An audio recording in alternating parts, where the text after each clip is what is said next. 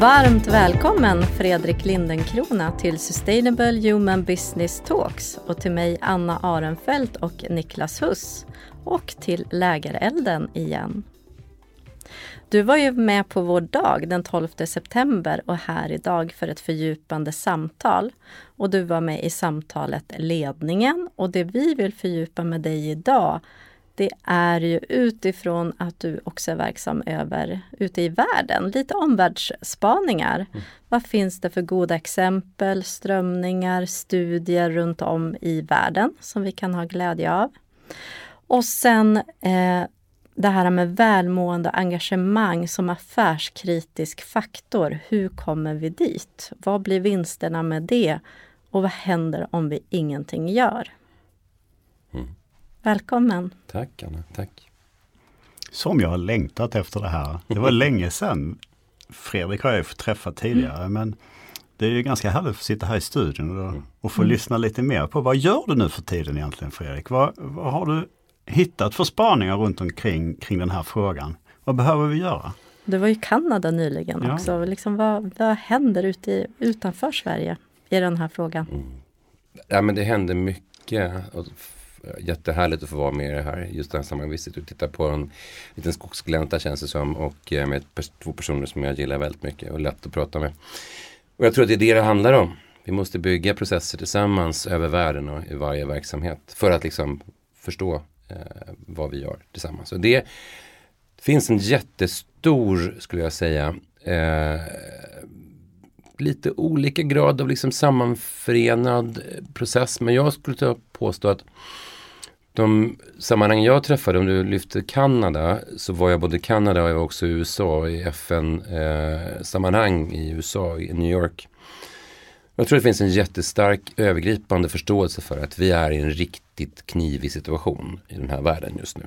Eh, det finns ju många saker som händer på många håll och kanter som verkligen driver oss till en eh, väldigt knepig situation i eh, ja, hur vi kan leva tillsammans på den här plätten eh, som heter jorden. Och eh, jag tror insikten om att eh, vårt sätt att samarbeta i alla möjliga situationer är avgörande. Eh, vi måste titta på vårt sätt att bidra till den gemensamma utvecklingen. Så frågan är om, om liksom ett mycket djupare sätt att tänka ledarskap skulle jag säga är en återkommande fråga just nu. Mm. Eh, den kan vara i en organisation, det kan vara en del av en organisation, det kan vara i en eh, civilsamhällessammanhang eller så. Men hur klarar vi av att tillsammans kroka arm och utvecklas eh, för de frågorna vi måste lösa ut. Mm. Den tycker jag är jättepåtaglig i eh, akademin som jag fick möjlighet att ha många samtal med inom ramen för medlembesök. Eh, många olika verksamheter, allt från liksom, uh, olika business schools uh, i delar av, av Kanada till uh, träffade Circus, Circus Soleil, alltså deras nationella eh, cirkus och deras forskningsmiljö som också jobbar med på många sätt samma sak fast de, de är ju olika separata öar som väl jag försöker också länka ihop det för att det finns så otroligt mycket att lära mellan olika eh, discipliner och olika sätt att arbeta. Men alla delar någonstans frågan om hur ska vi få med oss själva för att gemensamt utvecklas för att få en effekt på ja, att leva för en hållbar värld för människor och planet. Jag tror att det, det finns en sån tråd just nu som är ganska stark. Jag tänker du, du lyfter vikten av samarbete för att lyckas ta oss an de komplexa utmaningar vi ser i vår omvärld. Och Eh, du nämner ledarskapet, men och någonstans så finns det en ganska stark korrelation med hur jag mår som människa och eh, i min förmåga att kunna samarbeta och i vilken miljö jag verkar i. Och hur är tryggheten, den psykologiska tryggheten i det och, vad får jag för förutsättningar och så vidare. Eh, varför är det så svårt idag att få till ett ledarskap och en styrning i organisationen som uppmärksammar detta och också värdesätter det. Mm. Det är lite av en sån miljardfråga men, men vi kan väl börja bena, bena lite. Ja. Um, det ena tror jag handlar om att vi måste på djupet förstå vad ledarskap är för någonting. Det är, tittar man på historien och forskning om ledarskap så har man ju haft så kallade grand man, oftast av män har det ju varit som har belysts i olika roller. Eh, som man har hyllat och hållit på piedestal på något sätt. Och sen så kom det en forskningstradition som tittade mycket mer på medarbetarskap och du tittade mer på. Nu tycker jag att jag ser en situation där faktiskt en ökad förståelse igen i många miljöer om det relationella är, är liksom mer påtagligt. Att det handlar verkligen om en ledarskap är inte en, någonting man kan placera hos en individ. Det är, man, det är en företeelse mellan personer. Mm. Um, det är väl föräldrar, barn, ja, det är också det kan ett det ledarskap. Syskon eller eh, liksom vad som helst som, som skapar liksom någon som vill att man ska åstadkomma och peka ut en riktning tillsammans och få andra som inte då kan man använda traditionella liksom eh, piska morotmässiga saker och ting utan man börjar med att förstå att eh, det vi kallar för eh, inre motivation till skillnad mm. från yttre motivation är avgörande. Mm. Vi kan hålla på och sätta massa yttre eh, förväntningar och krav och incitament och så. Och vi kanske har liksom lite grann dragit på lite väl hårt med den typen av funktioner förut. Därför att det, tillfälligt kan den göra, man kan hota sig fram till vissa saker tillfälligt men det ger mig ju inget intresse. Om man inte fortsätter med den så kan man, kommer man inte få folk att fortsätta göra det här sättet. Mm. Så man måste verkligen jobba på ett helt annat sätt och tänka vad är det som kan få den här eh, gruppen personerna att förverkliga sina bästa förmågor tillsammans. Mm. Och det är det som är ledarskapets nyckeluppgift just nu mm. tror jag. Och det tror jag många börjar fatta. Mm. och det är väl det som skapar engagemanget om ja. man tänker nu denna Gallups definition Verkligen. av engagemang. Liksom, ja. Där man har en egen drivkraft. Man mm. går den där extra ja. milen för sin arbetsgrupp, för uppdraget och så vidare. Och det måste ju alltid komma inifrån. Det måste jag. alltid komma inifrån, precis så. Det, ja, annars är det ju någon sorts tillsagd variant. Alltså, ett engagemang är ju en psykologisk term. som handlar om hur jag förhåller mig till någonting. Och det, mm. det handlar ju om hur jag förhåller mig till den uppgiften och med det också de människorna som jag tillsammans ska göra uppgiften med. Mm. Så absolut. Mm. Så det kommer vi in på inkludering. Mm. Det kommer in på känslan av att jag finns i ett gott sammanhang. Mm. Eh, skulle jag säga. Eh, så att man kan liksom inte kommendera fram engagemang. Man måste ju agera så att man möjliggör att sådana saker kan etablera sig. Mm. Alltså, Skapa en attraktionskraft ja, ja. till det som man ja. vill åstadkomma. Och, och vara involverande och inkluderande och säga att din väg dit kanske måste vara lite annorlunda än någon annans väg. Mm. Alltså, så. Mm. Därför, här tänker jag begreppen också. Mm. Leda, styra. Mm. Helt plötsligt så kan jag känna i det där att vadå, ska du leda och styra mig? Eller ska vi skapa tillsammans? Alltså det här med att, att samverka och samarbeta handlar ju om att använda den kollektiva intelligensen på en ny nivå. Och jag tänker, jag gillar ju att använda begreppet human gardener, att vara en, en mänsklig trädgårdsmästare, mm. att få människor att växa och att få uh, ge varandra näring mm. och vi bidrar till att vi växer och utvecklas tillsammans. Och det är det som gör att organisationen också växer. Det, det är ju en stor skillnad att tänka så att vad behöver jag göra för att den myllan som alla är i ska bli så näringsrik som mm. möjligt så att jag får blomstra som individ. Eller att jag ska säga det här behöver ni göra. Mm, eh, alltså är, är begreppen eh, förlegade? Behöver vi tänka om? Jag tror absolut att de är förlegade. Jag tror att eh, för att få ihop den här jättestora övergripande utmaning som har att göra med att människor måste få rättigheten och tillgång till massa positiva saker i stora delar av världen som inte har det idag. Mm. Samtidigt vi ska göra det inom ramen för de planetära gränserna. Hur vi mm. får ihop den ekvationen. Den gör att vi ska göra väldigt många olika saker för att ändra några grundsynsätt. Och jag tycker det är en utmärkt metafor med Human Gardener. Jag tycker mm. det är fundamentalt. Och kanske, nu tillhör jag de som tror att, um, och en av de de lärdomar jag tycker att jag får när jag jobbar med internationella sammanhang också i låginkomstländer kanske i traditionell mening. Men också med urfolk som jag gör en del. Och där finns det ju någonting spännande. De skulle inte säga human gardener. De skulle säga human gardening. Mm. Det vill säga ett, ja. ett verb. Mm. För att det är inte, det, vi har en tendens att skapa så att säga ting mm. av saker och ting. Mm. När det egentligen är eh, organiska flöden av saker och ting som händer. Så att, att få igång verbet human gardening mm. Mm. av en mission, human gardening av en verksamhet, human gardening av en plats team, varandra, whatever. Mm. Det tycker jag verkligen är avgörande. Um, så att jag tror vi, vi är i en rejäl transformation. Liksom. Vi håller på att vara den, den, den det finns också dödsryckningar mot vissa av de här sakerna som också skapar jättemycket skav. Men jag menar, vi, vi, vi måste ju göra oss mycket mera eh, fossil, liksom, eh, oberoende för att få den här ekvationen att gå ihop. Vi måste göra massa saker. Det är massa saker av etablerade eh, positioner som också har eh, byggt på, jag har på att skriva lite grejer om de här grejerna just nu så jag är lite inne på det här med vissa begrepp. En sak handlar om, på svenska så separerar vi inte frågan om, om effectiveness från efficiency. Mm. Utan vi kan ibland så leker vi med orden om inre effektivitet och yttre effektivitet. Men det är väldigt, väldigt olika saker. Alltså, ehm, och där tror jag, men i organisationstermer och pågår det ganska mycket funderingar just nu. Jag tänker att man ska bygga eh, cirkulära flöden av resurser. Ja, men då kan man inte hålla isär sin egen verksamhet mot grannens verksamhet. Därför att det som är för min del som jag blir klar med så att säga, som jag har använt potentialen. För jag ska förstå vad du ska ta emot för någonting så måste jag ha en relation till dig. Vi kan ju inte separera de där typerna av systemen. För. De är mycket högre utsträckning av beroenden mellan olika verksamhetstyper i den nya ekonomin, den nya transformativa hållbara ekonomin. Så att, och då, då har vi haft en tendens att använda metaforer som har jättemycket att göra med kanske datorn eller kanske ting och liksom eh, industriell produktionslogik på något sätt, även i orden tar det där över. Jag tror man måste jobba lite, det finns ju en jätteintressant forskare som heter George Lakoff som jobbar med frågan om metaforer och met, liksom metafor, metaphors we, we live by och massa andra sådana här böcker han har skrivit.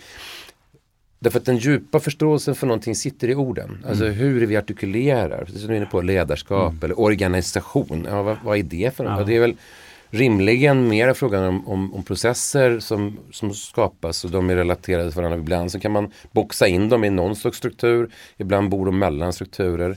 Och det är faktiskt, bara för att komma tillbaka till en sån här eh, forskningsrön kan man säga. Eh, McKinsey gör ju en stor CEO-undersökning ganska så återkommande. Och eh, en av deras slutsatser som jag följde för något år sedan det var att tittar de på trender och olika områden rör sig, liksom vad som är viktigt och vad de lyfter fram. Man kan säga att vad, långt innan vi är nu så var ju klart digitalisering en jättestor fråga för många och det är klart att det är det igen och liksom förutsättningar med nya möjligheter. Men det som pikade rejält runt något år före pandemin och fortsatt det handlar om att klara av relationella nätverk. Eh, så det blir ju en väldigt viktig fråga och CEOs som den solitären grand man, oftast då grand woman också, som kan befinna sig i isolat. Den är ju död. Den finns ju inte längre. Alltså alla värdesystem handlar om att förstå ekosystemet runt sig. Både i sin verksamhet och mellan sin verksamhet och andra. Det här är jätteintressant med tanke på intraprenören som nu helt plötsligt får en helt ny, eh, kan man säga, Eh, ljus på sig igen. Entreprenören som är den som inte kanske tillhör en specifik organisatorisk tillhörighet eller vill inte vara fast i den utan rör sig fritt för att få organisationens liksom olika människor att känna, känna gemenskap och hitta synergier emellan och är fri i den.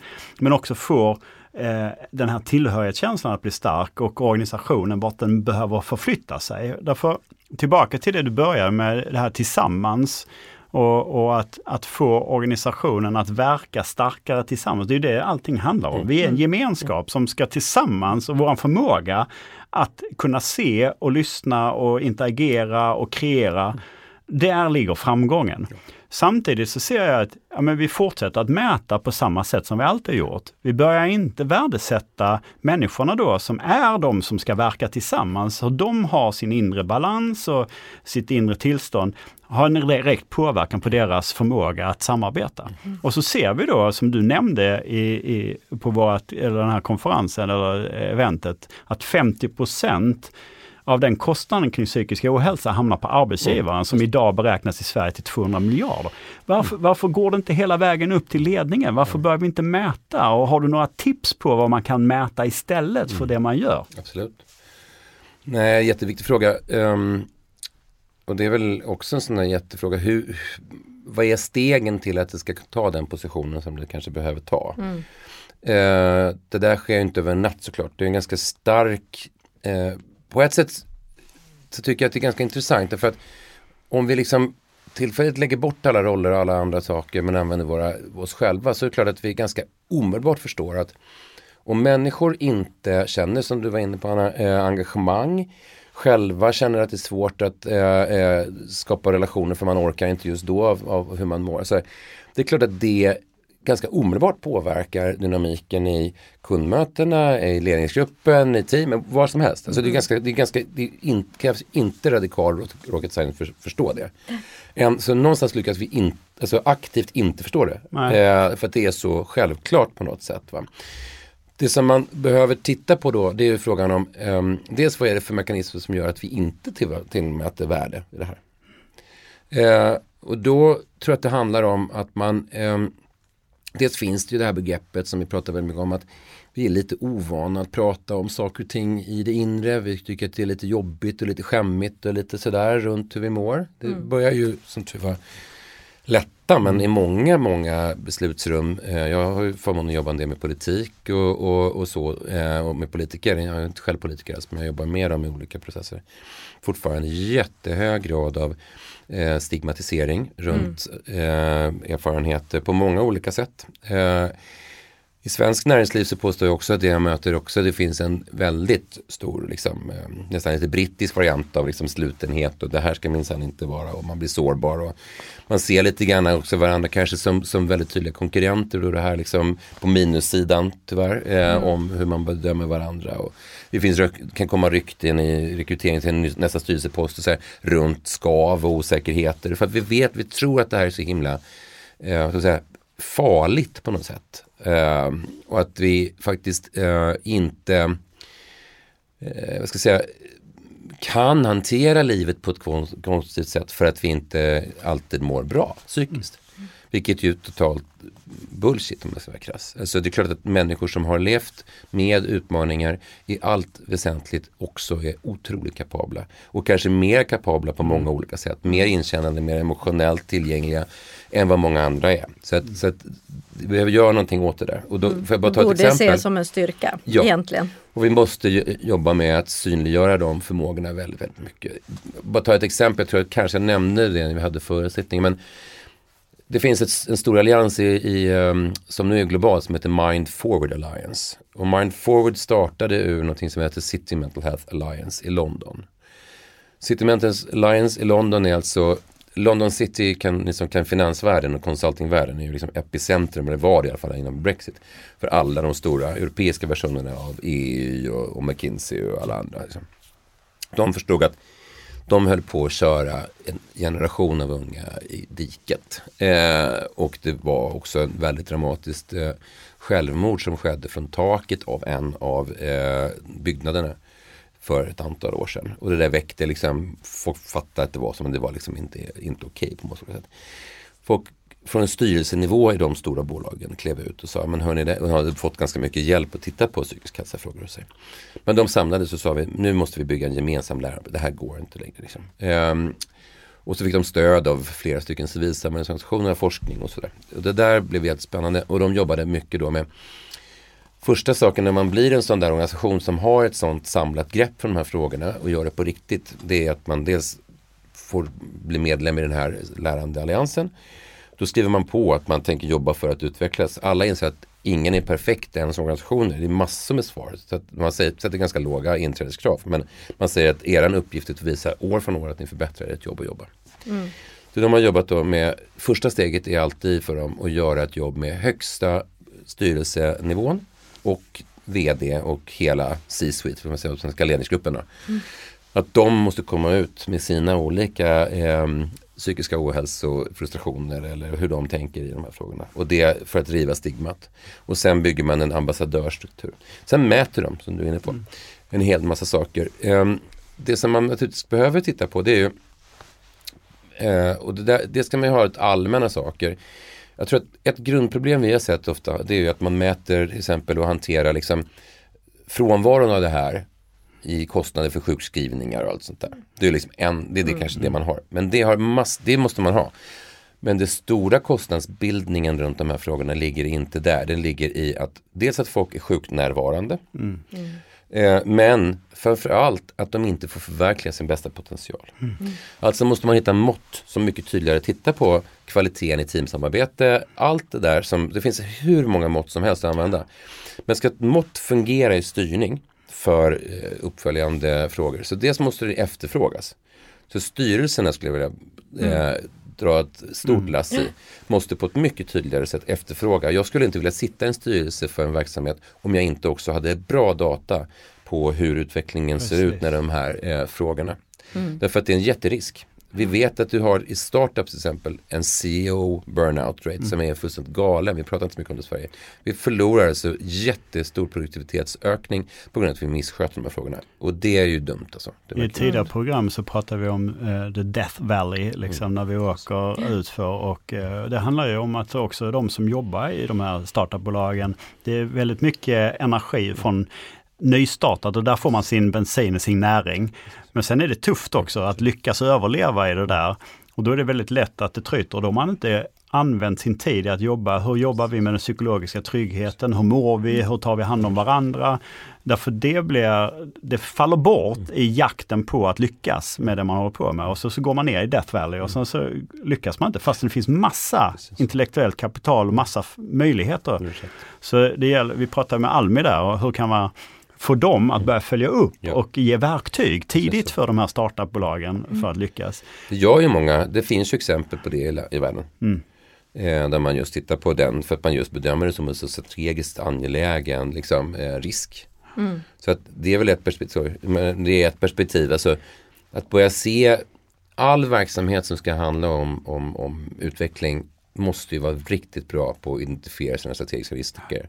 Mm. Det här är en totalt ohanterad eh, strategisk risk. Mm. Som kan få ödesdigra konsekvenser. Både för att människor bränns ut och det är ju en etisk perspektiv. Men på produktivitetssidan ska jag säga, om du landar i en situation där folk låser fast sig i olika konflikter. Som är också en effekt av att man inte har skött det här väl.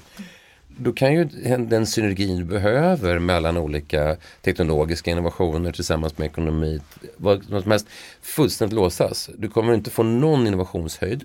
Därför att eh, det är klart att friktion är alltid innovationsarbete men om du får låsningar mellan människor så att de inte ens kommer att vara i samma relation och miljö med mm. varandra för att man inte har hållit i de här frågorna så är din verksamhet väldigt nära liksom, bristningsgränsen. Får man säga. Om, om, man kan missa alltså, affärsmöjligheter Total. för man hör inte vad kunden säger för någonting. Jag läste för några år sedan um, Sömnrevolutionen av Ariana Huffington. Mm. Hon mm. är ju en fantastisk bok kring mm. sömn och mycket studier och sådär. hon skriver just det, jag skulle aldrig investera i ett startupbolag om jag inte visste att grundaren sov bra. Mm. Och det, det, det, där, jag vill bara stryka under det ännu mer. Jag som har jobbat med utveckling och innovation i hela mitt yrkessamma mm. liv. Jag vet ju själv också i situationer när det är tufft. Eh, så tappar jag i min förmåga att vara kreativ. Och jag tappar definitivt min förmåga att kunna samarbeta med andra. Och, och jobbar man med innovation och utveckling i den takt som vi behöver idag för att lyckas med de komplexa utmaningar yeah. som du nämnde i början. Då behöver man en organisation där den psykologiska tryggheten och där människor är i balans och mår bra. För annars så förlorar vi vår kognitiva förmåga och, och kreativa och möjlighet att samarbeta, vara inlyssnande, närvarande. Och det finns inga bolag som i längden kommer över, kunna överleva om man inte jobbar aktivt med de här sakerna. För mm. omställningarna är så otroligt stora just nu. Mm. Så det, det... Men, men liksom, för det där du säger nu är ju den här liksom, det är en sån affärskritisk ja. fråga. Ja. Men hur nära eller långt bort är vi att komma dit i Sverige? Tänker du Fredrik?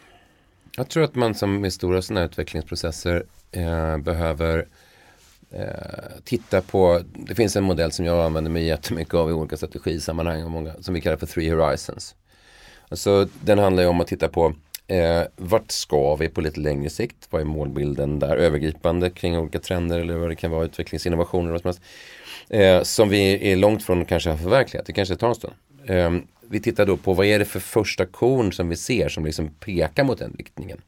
Så det, och då är det frågan om hur, ta, hur, hur skalar vi från såklart de här små korna mm. som kanske finns brottstycken av. Som kan skapa den här nya framtidsbilden. Det ena. Den andra är den andra, det tycker jag är positiva för den där är ganska given. Att vi kan tänka som en barnmorska, ska föda fram nya saker. Starta mm. här. Men vi måste också titta på vad är det vi ska avveckla. Mm. Och den andra handlar om vad är det som dominerar tankesätten idag och vad är det som sen behöver vara. Så kanske fortfarande finns logik, vissa saker behöver vara kvar men det får inte dominera på samma sätt. Nej. Då tror jag att det finns ett antal, just som vi pratade om, eh, metaforer som vi måste få ordning på. Det ena är att vi, det här blir liksom en efterfråga. Eh, alltså man gör det efter massa saker. Man tänker inte in människors kraft på det sättet in i verksamheten från början alltid. Mm. Och inser att det är faktiskt det som är den huvudsakliga produktionsförutsättningen i en tjänste och nätverks och kunskapsekonomi. Alltså det här tycker jag bara är Eh. så himla fantastiskt att man inte f- förstår det. Jag tycker att det är, ja, men, Men, men, för att skapa den trendprocessen så föreställer jag mig att ett bra sätt är att samla de som redan gör och vill. Mm. Eh, för det finns jättemånga som försöker i sina olika verksamheter och hitta formaten för att kunna samlas runt de här frågorna. Och det pågår otroligt mycket bra saker. Men jag skulle ju säga att, att någon slags struktur som liknar eh, City Mental Health Alliance. Det finns också en förfrågan, jag har jobbat mycket med dem. De har också gått då från det här London-nätverket till att göra det på flera andra ställen i, i världen. Och att skapa eh, en process eh, globalt nu då för att liksom lära städer och, och, och kanske ibland kan det kanske vara specifika industrier liksom. Om det skulle vara i Sverige så skulle det naturligtvis kanske handla också om, om digital utvecklingsindustri till exempel som är en sån eh, liksom frontrunner eller vad det kan vara för olika typer av verksamhetsområden som har en logik och som är vana. Jag skulle vilja se att branschorganisationerna fick stöd mycket mer och tänka att de har en roll genom aktörer som Mindshift och andra som kan bidra med kompetens in till att sätta en branschorganisation och att de kan vara en trovärdig aktör för att stötta lärandet i det här. Och att väldigt tydligt tänka, det som har hänt ofta det är ju att det här blir liksom, eh, ba, ska inte säga bara, men det får vila väldigt tungt på HR-funktionen. Och det är jättebra att det finns en expertis där. Men jag har haft förmånen att, skugga och, och hängt, hängt med många både investerare och eh, höga ledningsnivåer. Och jag konstaterar också, om jag ska vara lite krass, att eh, man använder ofta HR på ett sätt som är lite reaktivt. Alltså när det inte funkar riktigt måste vi hitta ett bra sätt och legalt och det får inte bli knepigt och allt ska göras. Och det är jätteviktigt. Och då måste man tänka, hur ska de här frågorna komma in mycket mer i den strategiska utvecklingen? Då måste den in i, hos vdn. Det måste in i styrelsen, som jag kan se med de traditionella organisationerna som vi har oftast nu. De måste bära de här frågorna och säga att jag tänker inte leda en verksamhet som inte tar ett seriöst ansvar för de här frågorna.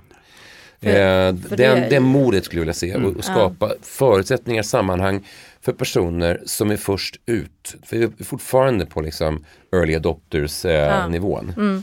För jag tänker, alltså jag har ju min bakgrund själv inom HR och det var ju precis som du säger väldigt reaktivt. Rehabilitering, rekrytering var ju de stora benen. Och jag försökte liksom komma där och liksom, vi kan jobba med verksamhetsutveckling. Jag var och besökte en chef på ett bankkontor och skulle presentera mig då, för jag var ny personalman som det hette då på den tiden.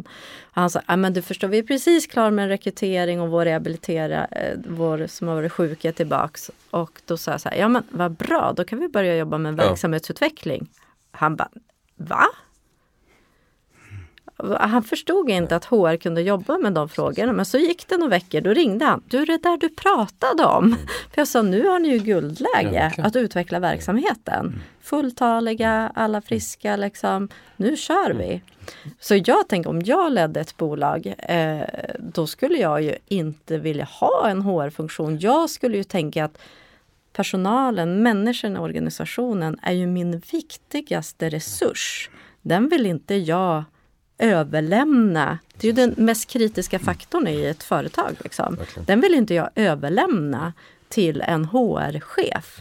Sen kanske behöver just, egentligen kanske den rollen ska backa till den där det en gång startade. Koll på löner och lagar och regler, att man följer det. Och så lyfter man in det här som ju heller HR inte har lyckats med att lyfta. De är ju inte alltid ens de sitter i ledningsgruppen. Nej.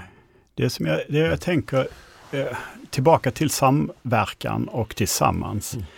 Eh, det gäller ju att ge förutsättningar eh, för människor att ta ansvar, att också få jobba och utveckla sig själv med andra. Och ofta så kan man se de här konsekvenserna ligger i hur den miljön jag verkar i fungerar och hur jag upplever att mm. jag får utvecklas mm. som människa och hur jag får hjälpa andra mm. och hur vi är mot varandra.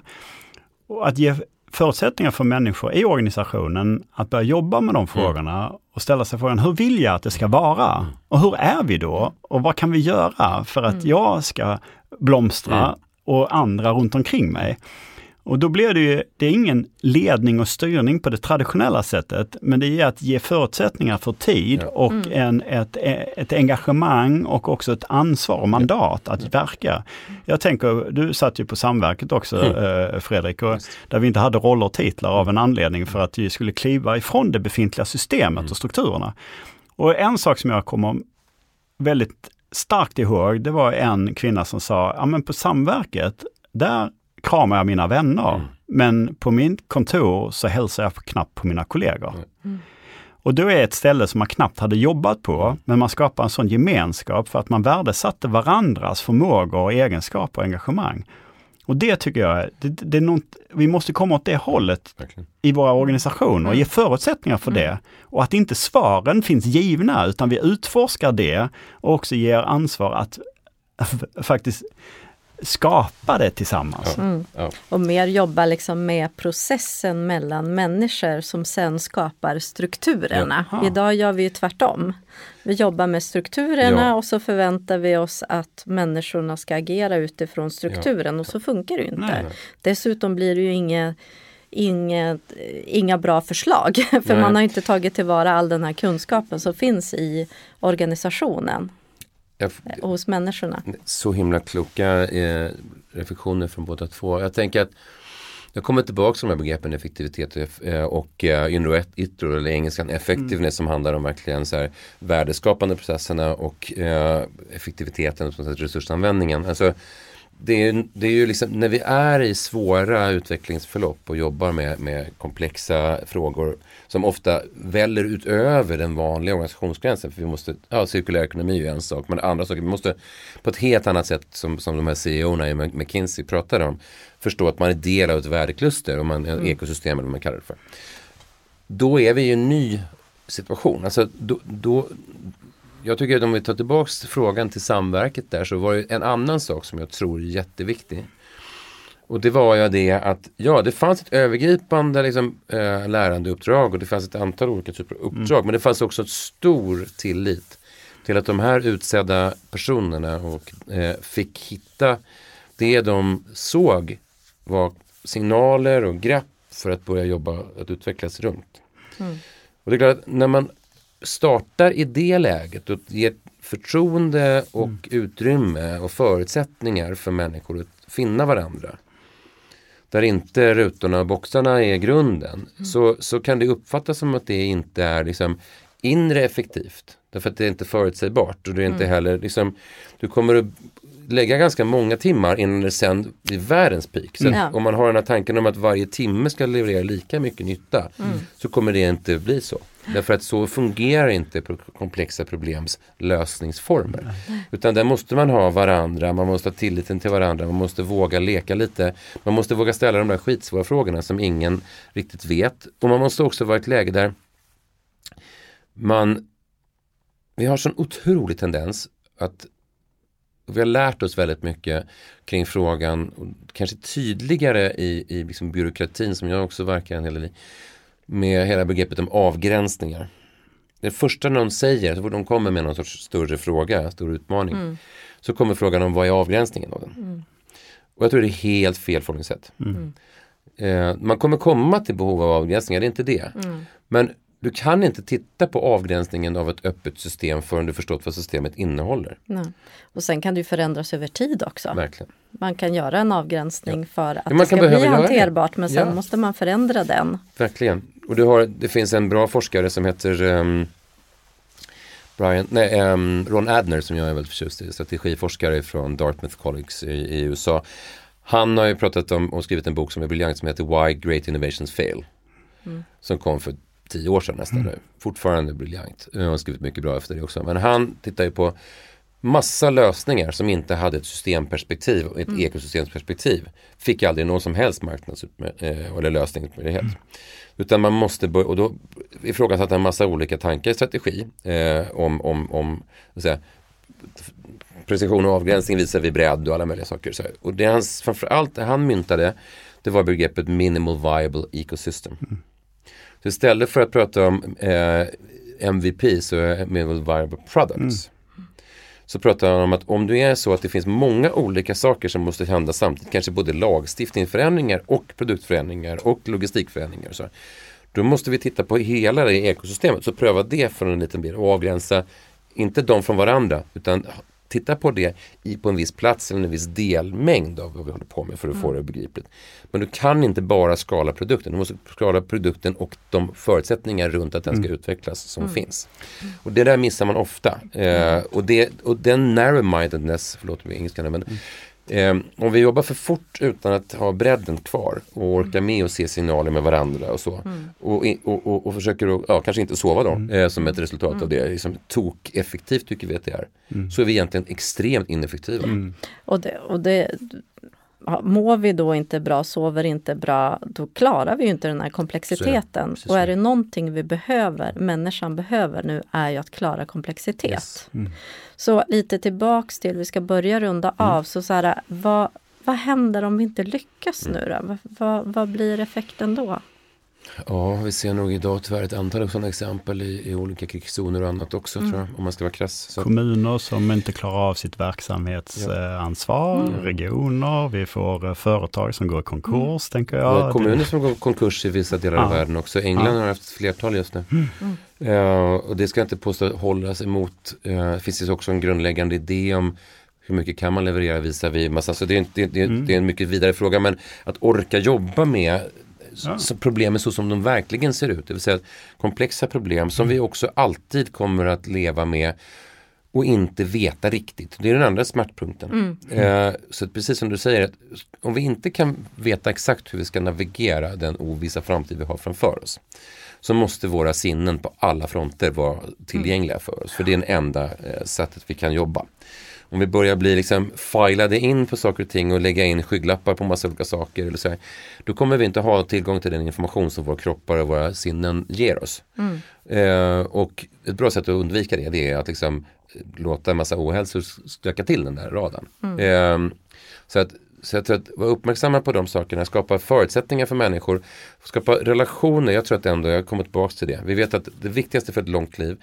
som är gott och lyckligt är kvaliteten i våra sociala relationer. Ja. Det är mm. precis likadant med ett arbetsliv ja. såklart. Eh, och det är sant i ditt team, det är sant eh, mellan work family balance, men det är också sant, för att koppla tillbaka till din entreprenörskapet mm. eh, Niklas. Um, om det nu är så att aktörer måste hitta gemensamma utvecklingsprocesser, då måste friutrymmet mellan entreprenörer från varje sådant ställe finnas också. Ja. För att annars, det är där man kan hitta de som vågar testa nya saker tillsammans mm. eh, för det nya ekosystemet ska byggas mm. upp. Och det tycker jag att mod och tillit som ledare måste generera. Skapa förutsättningar, trygghet, möjligheter för folk att få utforska i de sammanhangen. Mm. Annars tycker inte jag att man är ledare. Öppenhet, transparens och en psykologisk trygghet ja. skapar förutsättningar för oss att kunna vara ärliga ja. och kunna speglas ja i varandra. Precis. Och på det sättet så lär vi och då kan vi också utforska mm. vad vi behöver göra och hur vi kan mm. göra det. Men det handlar om, jag tycker att frigöra det traditionella sättet att styra mm. till att ge förutsättningar att, att lyckas i mm. organisationen att verka själv och eh, där kommer du frigöra så otroligt mycket. Okay. Och det är ju relationerna är och det är därför tillbaka till att krama sina vänner eller knappt hälsa på sina kollegor. Mm. Alltså det är mycket i det, det den meningen. Mm. mm. Därför det är hur man ser på varandra som människor. Mm. Och att också, också få känna att jag är en, jag är Niklas på jobbet. Mm. mm. Fast jag är även Niklas när jag kommer hem. Men jag har en roll där och, eh, som är betydelsefull på ett eller annat sätt. Men jag är ändå Niklas. Så skillnaden mellan Niklas på jobbet och hemma är inte så stor. För jag får vara fullt ut jag. Mm. Om alla känner det så skapar vi en otrolig kraft. Och då tänker jag att då kommer vi ju någonstans också till den här frågan som vi har tappat kanske liksom, vad är meningen med livet och varför går, får jag vara mig själv mm. så kommer jag också närmare de existentiella frågorna och liksom kan verka utifrån min fulla potential mm. oavsett om jag är på jobbet eller om jag är hemma. Mm. Nej men en slutreflektion från min sida där. Jag tror att mycket av det här handlar också om att vi tror att vi förlorar saker. Om vi nu skulle ha förutom att vi är supereffektiva, superkompetenta, dessutom kan le till varandra och ha en härlig liksom, eh, utveckling, så finns det nog de som tror att vi wastear tid. Och är det någonting vi kan verkligen med all forskning vi kan tänka oss hitta, att det där är inte tidswasted. Det är verkligen inte tid. It's, it's time well spent. Alltså eh, att få tillgång till den typen av relation till varandra är det som kommer att göra att du faktiskt lyckas med uppgiften, inte något annat. Mm. Och ibland har vi liksom strömlinjeform att vi tar bort liksom fikapauser, vi tar bort, alltså vi mm. behöver ha dem där mm. um, i organisationen. Alltså slim, att slimma, ja, jag tror att det handlar väldigt mycket också om den här frågan om, om, om, om tillit visar kontroll. Och det är någonting som vi vet av, av ekonomisk forskning och massa annat så är att det är extremt dyrt med kontroll. Mm, mm. Och det är dyrt på så många plan. Mm. Det är, eh, det, ibland måste vi ha det. Ja, men visst, vi måste kolla på att saker, för det är också påverkar, om vi inte sanktionerar när, när saker blir helt åt skogen, då, då, måste vi kanske ge oss på det och adressera det, för annars kommer ingen lita på systemet. Så det finns element av det såklart, men grunden är att vi har kompetenta medarbetare. Vi ska signalera till varandra att vi har dem, vi ska ge dem förutsättningar. Det är de som besitter kompetensen att gemensamt foga ihop lösningar på de mm. problemen vi har satt där. Och det handelsutrymmet måste vi generera. Alltså ska vi skapa tillitsfullt eh, förhållningssätt till de människor som vi ändå har lagt mycket pengar på att anställa. Mm, Om vi, vi inte förstår, ja vi gör det och vi har tagit lång tid. Vi vet också att kostnaden av att missköta en anställning, både in, när den, det tar en stund att varva upp och komma mm. igång och det, det, är massor, den, alltså den stora kostnadsbilden för psykisk ohälsa som ett exempel i det här sammanhanget och det är ett mycket vidare begrepp, eller bristen på, på psykiskt välbefinnande och bristen på att förverkliga sin potential. Det ligger ju i att um, du har, dels får en negativ effekt på andra. Om du inte fun funkar det här, du kan inte tänka en produktionstimme.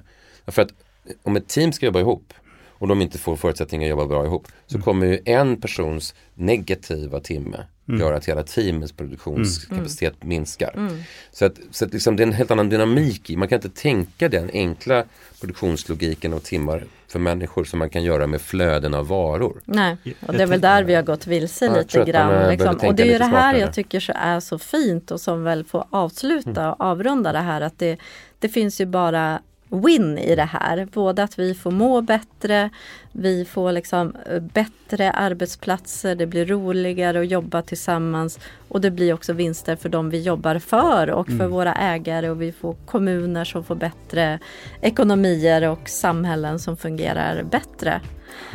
Så med det så får vi tacka dig så mycket Fredrik och eh, jag tror säkert vi kommer att prata mer igen. Tack så hemskt mycket båda. Tack.